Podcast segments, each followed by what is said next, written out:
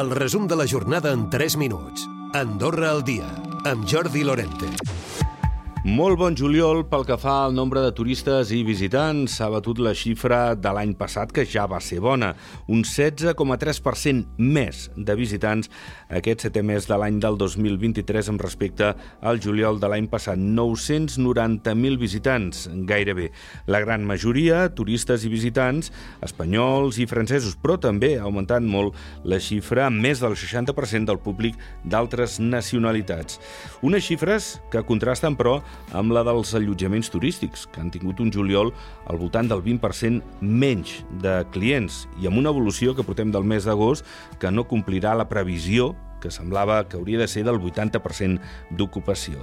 Àlex Ruiz, president de l'Associació d'Empreses d'Allotjament Turístic. Jo no crec que complim les, eh, les expectatives o les previsions que teníem. Penso que tant juliol ja ho confirmem, que ha sigut una miqueta més baix que l'any passat, rondament un, un 10 o un 15%, en el millor dels casos la gent ha arribat a un 50% d'ocupació, quan l'any passat van fer 60-65%, i al mes d'agost eh, les millors de les previsions eren del 80 i si arribem al 60-65 doncs serà un èxit. Concòrdia diu que no pactarà amb demòcrates en vista a les eleccions comunals del desembre perquè diu hi ha visions de país molt diferents, s'hi expressava així el president del grup parlamentari de la formació, Cerny Escalé. Sembla difícilment concebible que Concòrdia pacti en lloc amb demòcrates per Andorra perquè les visions de model de país són molt separades. En tot cas, qui ha de prendre aquesta decisió és l'assemblea del partit. Això sí, la formació, diu Escalé, ja ha començat eh, amb els contactes amb Rosa Gili, la cònsul major escaldenca, i amb la plataforma política massarenca participa. La dificultat per accedir a un habitatge s'ha convertit en un problema global, amb preus que no deixen d'enlairar-se, no només a Andorra, sinó, per exemple, a les comarques veïnes, en aquest cas a la Cerdanya. A Bellver, amb 2.100 habitants, ha augmentat en un 10% el cens els darrers anys. De fet, és un dels municipis de la comarca on més es construeix, però uns preus prohibitius per per als veïns, com reconeix la seva alcaldessa, la Laia Serra. I sí, s'està destinant tot a les segones residències, però és bàsicament pel preu, perquè són preus que no són assequibles per la gent treballadora de, de la comarca.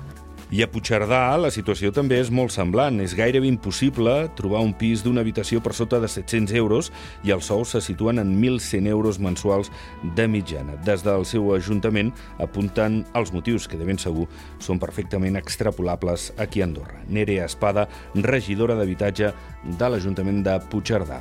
Habitatge a la Cerdanya n'hi ha, el problema és que està tot destinat o a segona residència o a lloguers temporals o, o d'ús turístic.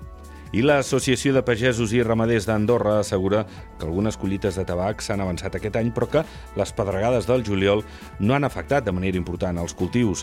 Els diferents ritmes de maduració que han tingut les plantacions diuen a donar peu a fulles més petites de l'habitual, però igualment madures. Tanmateix asseguren que aquestes pedregades no van afectar les plantacions. Recupera el resum de la jornada cada dia a AndorraDifusió.d i a les plataformes de podcast.